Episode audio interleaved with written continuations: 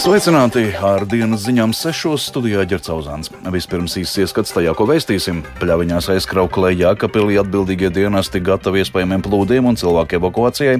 Valsts prezidents ar koalīcijas frakcijām apspriež centrālās vēlēšana komisijas darbu un iespējamo nākamo vadītāju.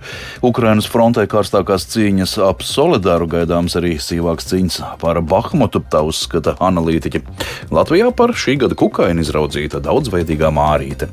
Par šiem tematiem ziņa turpinājumā turpinājumā plašāk.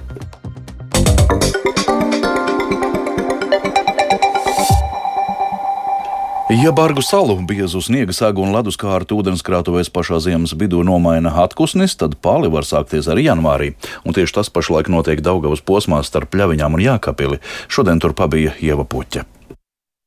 Milzīgi ledus sablīvējumi visā Daugavas tecējumā cauri pļaviņām. Cilvēki fotografē, kāds vīrs pret sasalušu ledus kluci pat apskādējis automašīnu, skatoties uz upi. Pļaviņu pārvaldes vadītājs Andris Ambainis sarunas brīdī gatavojās civilās aizsardzības komisijas sēdēji un vēl bija optimistisks, ka vismaz šodien plūdi varētu iet secen, jo temperatūra ir mīnusos. Amatpersona negribēja sēt paniku, un arī citādi pilsētiņas dzīve ritēja kā ierasts. Taču sazvanīts pievakarē, Ambainis stāstīja, ka pašvaldības policijai dots uzdevums apbraukāt piekrastes mājas, kurām pastāv plūdu risks, un instruēt iedzīvotājus par evakuāciju un glābšanas dienas telefoniem. Iepriekšējo gadu pieredze liecinot, ka ledus parasti izkustas naktī vai rītausmā, un arī no Jēkabils, kas ir 15-20 minūšu brauciena attālumā, saņemti satraucoši signāli par ūdens līmeņa celšanos. Tur plūdi gan vairāk skar lauku teritorijas un vasaras mājas. Mēs tagad sēžam kā uz adatām, gaidām. Jo Jēkabīlī tur ir, es saprotu, kolēģiem, ka viss krustos novads tā daugos pusi tie visi pašvaldības ceļi ir slēgti un tas ūdens līmenis tomēr pamazām, bet kāpš.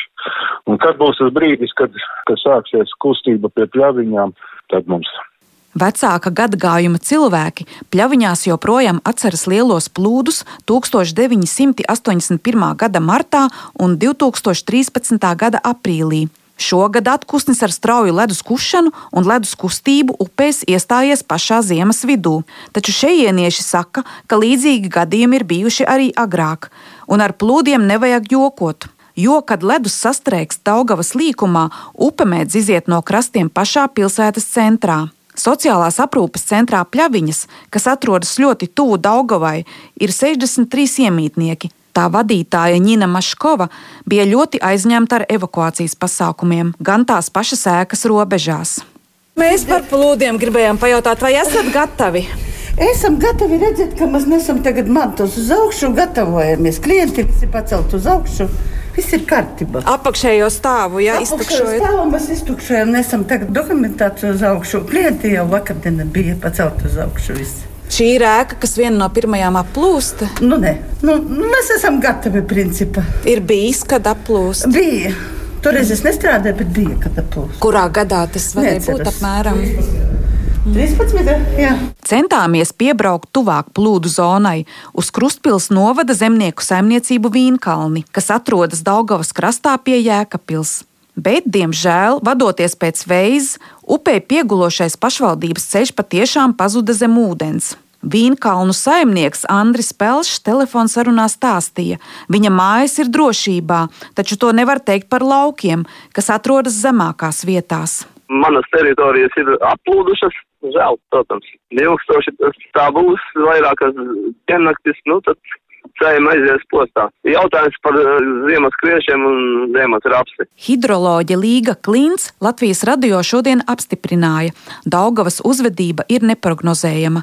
Turklāt atkušņa tuvošanās nozīmē, ka ledus masa nesasals un turpinās kustību. Ūdens līmeņa maiņas varētu būt straujas. Tomēr sablīvējums no jēkapils līdz pļaviņām ir tik masīvs, ka varētu palikt upē arī uz ilgāku laiku.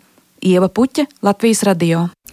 Valsts prezidents Egils Levits Rīgas pilī šodien vienu pēc otras uzņēma valdošās koalīcijas frakcijas, lai ieskicētu turpmāk darāmo. Apspriežamo tematu lokus ir plašs, no valsts drošības līdz budžeta uzdevumiem. Savukārt viens no tuvākajiem darbiem - izmaiņas Centrālajā vēlēšana komisijā. Vairāk Jāņa Kīņš ierakstā. Ir radies iespējas, ka ir izdevies izveidot rīcības spējīgu koalīciju, kas varēs sevi pierādīt darbos. Tāpēc tikšanās Rīgas pilī ar koalīcijas frakcijām novērtēja valsts prezidents Egils Levits. Pārunāta gan uzdevuma saistībā ar valsts iekšējo un ārējo drošību, gan ekonomikas transformāciju, zaļo kursu un pārēju uz izglītību tikai valsts valodā. Savukārt jau nākamnedēļ saimas frakcijām jāizvirza savi kandidāti darbam centrālajā vēlēšanu komisijā. Levit ieskatā Latvijā līdzīgi kā citās Eiropas valstīs vēlēšanu organizētāju vajadzētu iekļaut iekšlietu vai tieslietu ministrijas vai saimas struktūrā.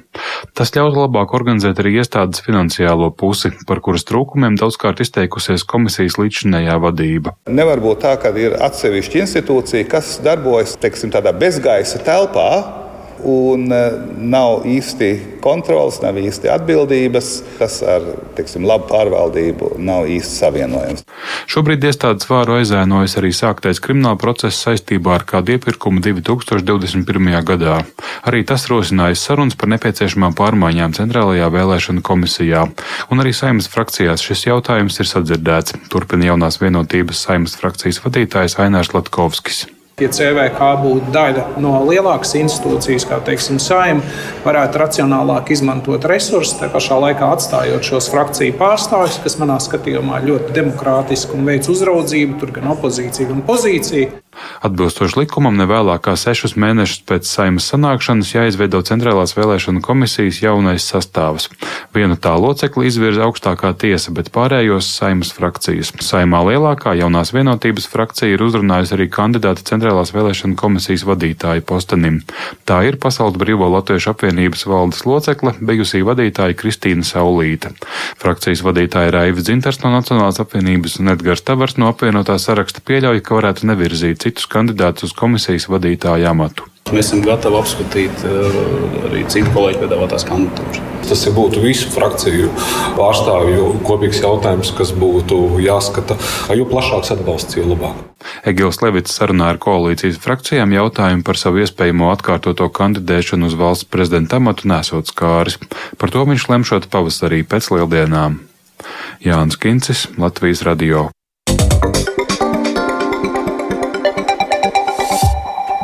Ukrainas frontē karstākās cīņas notiek ap Solidaru, un jau šajā mēnesī gaidāms arī sīvākās cīņas par Bahmutu. Tā uzskata Ukraiņu militāri analītiķi. Augstā laika iestāšanās palielina iespēju kaujā laist arī smago bruņojumu. Rietum sabiedrotie joprojām spriež vai un kādus tankus Ukrainai piegādāt. Stāstuģis Lībietis. Pēdējo dienu laikā Ukraiņas frontē vislielākā uzmanība ir pievērsta Solidarai, kas atrodas uz ziemeļiem no Bahmutas. Solidarā kaujas bez pārtraukuma turpinās jau kopš gada sākuma, un, kā norāda militārie komentētāji, tad viens no galvenajiem uzbrucēju mērķiem ir apiet Bahmutu un iespējams to arī ielenkt. Tieši tāpēc Ukraiņas bruņoties spēku uz šo reģionu ir nosūtījuši savus papildspēkus un cer, ka pieaugušais sals ļaus kaujā laist arī smagāku kaujas tehniku. Ukraiņas spēku pārstāvji ir pārliecināti, ka galvenās cīņas par Bahmutu un tās apkārtni vēl ir tikai priekšā, un tās iespējams gaidāmas jau šajā mēnesī. Un šajā situācijā joprojām aktuāls ir jautājums arī par Ukrainai pieejamo smago bruņojumu un tā iespējamo saņemšanu no sabiedrotajiem. Tā piemēram, Polijas prezidents Andrzejs Duda šodien uz sarunām ir izsaucis premjeru, ministrus un Nacionālās aizsardzības biroju, kur tiek apspriesta situācija Ukrainā. Kā ir paziņojis Polija, tad Ukraina varētu no tās saņemt nelielu skaitu vācu tanku Leoparda. Par to ir paziņojis Polijas prezidenta kancelejas pārstāvis Jakubs Kumohs. Viņš paskaidrojis, ka runa varētu būt par dažiem desmitiem tehnikas vienību, kuru nodrošinātu nevis viena pati Polija, kurai ir aptuveni 240 šādu tanku, bet gan valstu koalīcija. Pagaidām gan sarunas par šādu tanku nodošanu Kijavai vēl tikai turpinās. Šajā situācijā arī Vācija neizslēdz, ka arī tā tomēr nākotnē Ukraiņas karaspēkam varētu piešķirt Leopardu tankus. Par to ir paziņojis Vācijas ekonomikas ministrs un vicekanclers Roberts Hābeks. Vien nedaudz vēlāk Vācijas valdības preses pārstāvs gan izteicās, ka vismaz pagaidām šādas piegādes netiek plānotas. Visi šie komentāri ir izskanējuši vien divas dienas pēc tam, kad Vācija paziņoja par aptuveni 40 kainieku kaujas mašīnu Marderu piegādi Ukrainai līdz marta beigām. Šeit gan jāpiebilst, ka aptuveni puse no Vācijas sabiedrības iebilst pret šādu bruņojumu piegādēm Ukrainai, un tas varētu liecināt par zināmu nogurumu sabiedrībā. Savukārt Lielbritānija izskatīja iespēju nogādāt Ukrainai tankus Challenger 2, un, kā ziņo televīzijas kanāls Sky News, sarunas par aptuveni desmit šādu tanku piegādēm turpinoties jau vairākas nedēļas. Challenger 2 ir Britu armijas pamata tanks, un šādas piegādes noteikti ievērojami pastiprinātu Ukraiņu pozīcijas, kā arī varētu pamudināt citas NATO dalībvalstis rīkoties līdzīgi. Un vēl runājot par ārvalstu palīdzību, visticamāk, Itālija līdz februārim lēmumu par bruņojumu piešķiršanu Ukrainai tā arī nepieņems iekšējā politiskā saspīlējuma dēļ, jo savu pretestību premjerministrs Džordžijas Melonijas skatījumam izrādot senie Maskavas sabiedrotie, tostarp bijušais premjerministrs Silvio Berlusconi. Stāsts ir arī par bruņojumu vērtību un militāro līdzekļu trūkumu. Itālijas valdība satraucas par to, ka, nododot bruņojumu Ukrainai, pašu itāļu pretgaisa aizsardzības sistēmai varētu trūkt nepieciešamo iekārtu. Uģis Lībijams, Latvijas Radio. Pasaules mediju uzmanība pievērsta vakardienas notikumiem Brazīlijas galvaspilsētā. Tur eksprezidenta Žēra Bolsonaro atbalstītāji protesta laikā iebruka Nacionālā kongresā kā prezidenta pilī un augstākajā tiesā. Daudzi šos notikumus salīdzina ar 21. gada 6. janvāra notikumiem Vašingtonā, kad Donalda Trumpa atbalstītāji atteicās pieņemt viņa zaudējumu ASV prezidenta vēlēšanās un iebruka Kapitolijā. Brazīlijā aizturēt vismaz 400 nemiernieku un notikušā vaino ne tikai nemierniekus, ko pēc daudz domām Bolsonaro uzkūdījis, bet arī policistus, no kuriem kuriem vairāki šķiet nesteidz protestētājus nemieru sākumā aizturēt. Brazīlijas augstākā tiesa no amata atbrīvojas Brazīlijas federālā apgabala gubernatoru, jo nekārtība laikā viņš nav klusējis un nav atbilstoši, viņš klusējis un nav atbilstoši rīkojies, atlaists arī galvaspilsētas sabiedriskās drošības vadītājs Andersons Torres. Bet atbildot uz notikušo, kreisās pārnu partijas aicinājuši cilvēkus šovakar doties ielās. Pieaugot agresijai pret ārstiem Lietuvā sasaukta Seima veselības lietu komitejas ārkārtas sēde. Aktīvākas diskusijas par nepieciešamību veikt papildu pasākumus mediķu aizsardzībai sākās pēc vairākiem valsti šokējošiem vardarbības gadījumiem pret ārstiem. Turpina Rihards Plūme. Seima veselības lietu komitejas ārkārtas sēde plānota 15. februārī, un līdz tam tiks aktīvi apkopota informācija un apsvērta darba grupas izveide. Komitejas priekšsēdētājs Antons Matuls atzīmē, ka šobrīd Seimā jau tiek izskatīti vairāki likumprojekti, kas varētu nodrošināt lielāku mediķu drošību darba vietā. Viens no priekšlikumiem ir tāds, ka uz potenciāli riskantiem izsaukumiem mediķi dotos kopā ar policiju. Tomēr darbiniekiem arī pašiem jāzina, kā rīkoties un jāspēj par sevi parūpēt parūpēties, un drošības apmācības būtu jāiekļauj arī augstskolu programmās, tā uzskata jomas pārstāvji.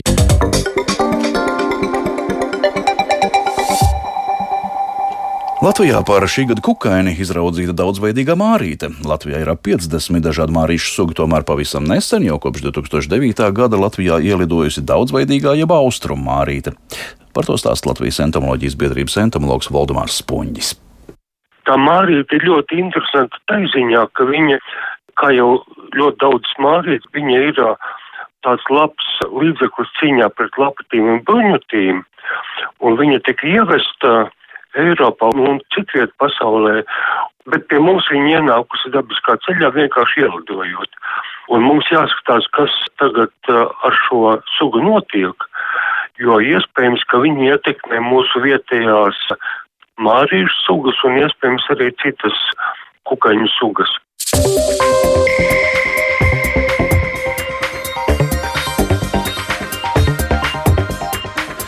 Līdz ar to izskan dienas ziņas sešos. Tās producēja uh, bija Bremse, par labskaņu rūpējās Ulds Grīnbergs un Kristaps Ēdas studijā Ģerts Auzāns. Vēl īsi par svarīgāko. Pļaviņās aizkrauklē un Jākapilī atbildīgie dienesti gatavi iespējamiem plūdiem un cilvēku evakuācijai. Valsts prezidents ar koalīcijas frakcijām apspriež centrālās vēlēšanu komisijas darbu un iespējamo nākamo vadītāju. Ukrainas frontē karstākās cīņas ap Soledāru. Izskan dienas ziņas sešos. Rīgā gaisa temperatūra pat labāk - mīnus 2 grādi un mērens dienvidu austrumu vējš, kas mūs gaida turpmāk stāsta Toms Brīsis. Nākamajā naktī visā Latvijā sniks, vietām gaidāma stipra snikšana, bet nakts otrajā pusē un rītdienā sniegs daudziet pāries atkalā un lietu ceļā aplados. Naktī vēl tikai piekrastē gaidāms atpūsnis, citviet neliels saules, bet dienā gaisa iesils līdz plus 1, plus 5 grādiem, un tikai vidzemes austrumos un latgalē temperatūra saglabāsies līdz 0,2 grādiem. Arī trešdien un ceturtdien Latvijas rietumu un centrālajā daļā temperatūra būs dažus grādus virs nulles, bet vidzemes austrumos un latgalē dažus grādus zem nulles. Vietām gaidām arī neliela nokrišana nokrišņi. Nedēļas nogalē atklāsmes aptvers visu valsti, temperatūrai paaugstinoties līdz 0,5 grādiem, un visu šo nedēļu valdošie būs dienvidvēji, kas bieži būs brāzmaini.